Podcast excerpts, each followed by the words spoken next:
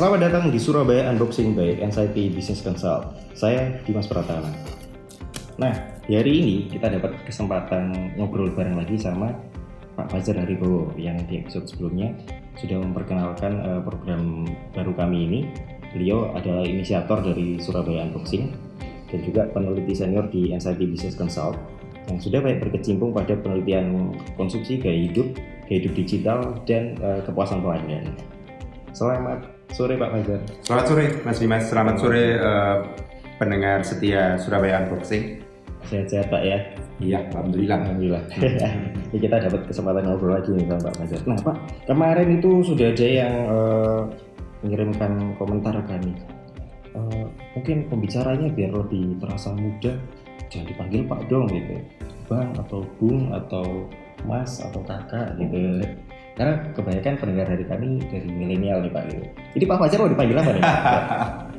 Panggil apa ya? Kalau apa mungkin bung saja ya? oh bung aja soalnya hostnya saya sendiri agak agak suka nih sehari-hari panggil Pak Fajar baik Pak untuk kepentingan uh, memenuhi apa ini permintaan pendengar Pak ya hmm. hari ini saya akan panggil sebagai Bung Fajar dan saya Bung Dimas Pak hmm. uh, begini Bung Fajar nah uh, kami akan coba memutar lagi episode pertama. Nah, yeah. itu episode yang kayaknya sih memang bikin para pendengar penasaran. Ini hmm. apa sih kok mendadak di episode pertama terus ada orang ditanyain Surabaya dalam satu kata. Nah, itu adalah hasil observasi kami kepada sekitar 20 pekerja di Surabaya yang tidak semuanya berdua asli Surabaya. Oke. Okay. Jadi hampir separuhnya itu penduduk kota sekitar. Hmm. Bahkan ada yang uh, berKTP sudah dekat-dekat dengan Jember sana, Pak. Gitu. Oke. Okay. Jadi kalau kita analogikan tuh pernah ada yang bilang bahwa penduduk Surabaya kalau pagi itu 5 juta jiwa, hmm. kalau malam 3 juta jiwa. Artinya yang 2 juta adalah penduduk luar kota yang bekerja di Surabaya. Hmm. Nah setidaknya uh, gambaran responden di observasi kami ini mewakili kondisi itu.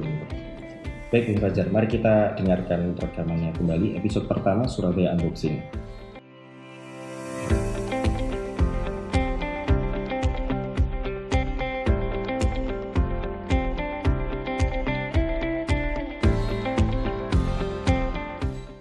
Surabaya dalam satu kata apa Pak kira-kira Pak?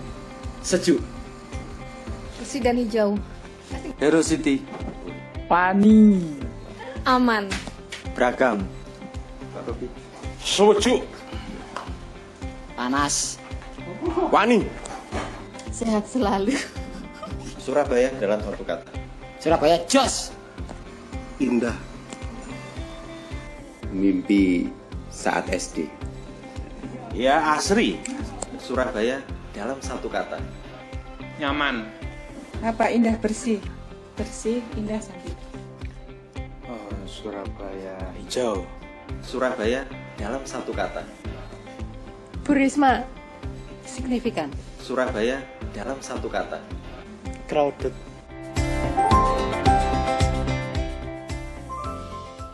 Baik Bu Fajar, tadi kita sudah dengarkan begitu banyak kata-kata spontan yang diucapkan oleh responden itu.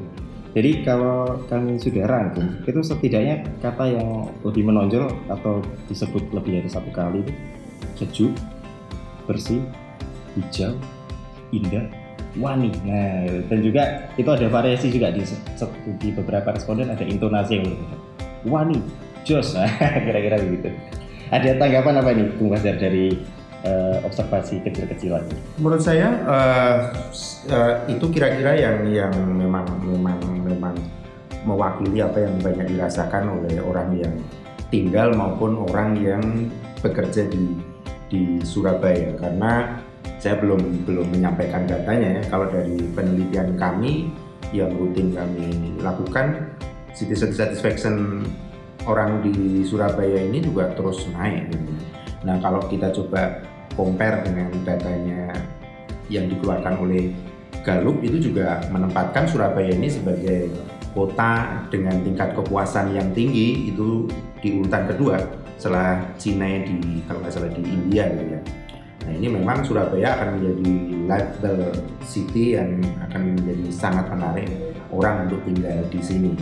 Nah kalau tadi keluar kata-kata sejuk bersih, memang kalau kita lihat data dari dari pemerintah kota kira-kira sampai hari ini atau mungkin sudah lebih ya, eh, mungkin sudah bertambah maksudnya ada sekitar 475 taman di di kota ini. Kalau kita lihat taman aktifnya itu sekitar 157, nah, taman pasifnya ini sekitar 318.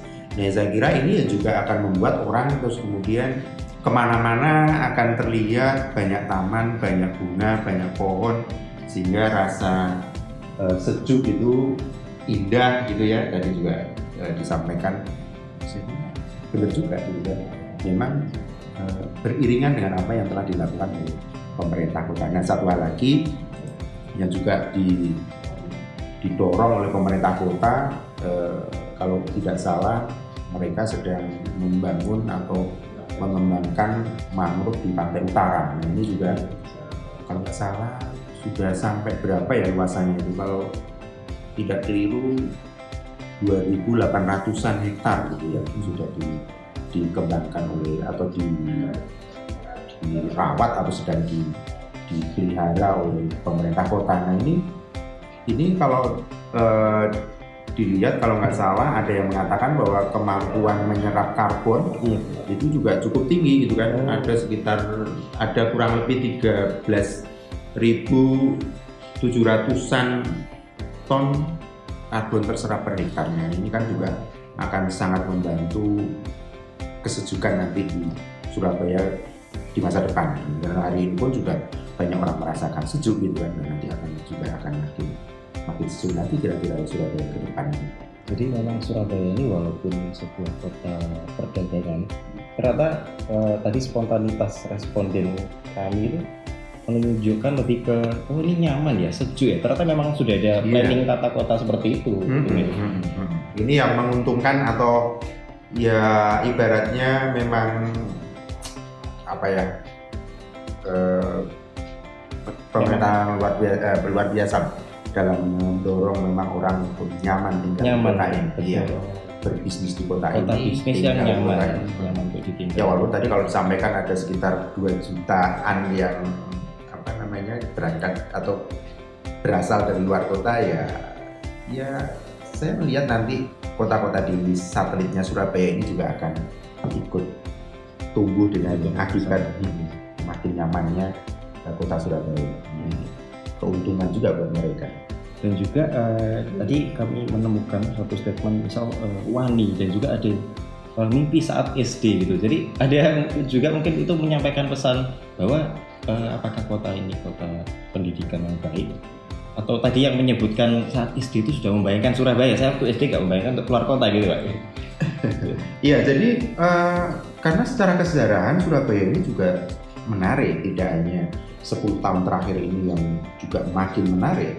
Dari secara kesejarahannya peristiwa 10 November, heroik pejuang kita, eh, semangat jihad yang di, di apa namanya dikumandangkan oleh eh, apa namanya saya dulu itu eh, Asari ya itu luar biasa ya kan menginspirasi orang-orang yang mungkin berada di luar Surabaya untuk Surabaya itu kayak apa di Surabaya juga eh, secara apa ya keuntungannya adalah kalau dulu di di Bandung itu ada industri pesawat terbang Iya. di, di masa lalu itu Iya. pesawat terbang sudah masih barang yang luar biasa ya ada di sana. Kemudian kalau di Surabaya orang tahu bahwa di situ ada industri kapal.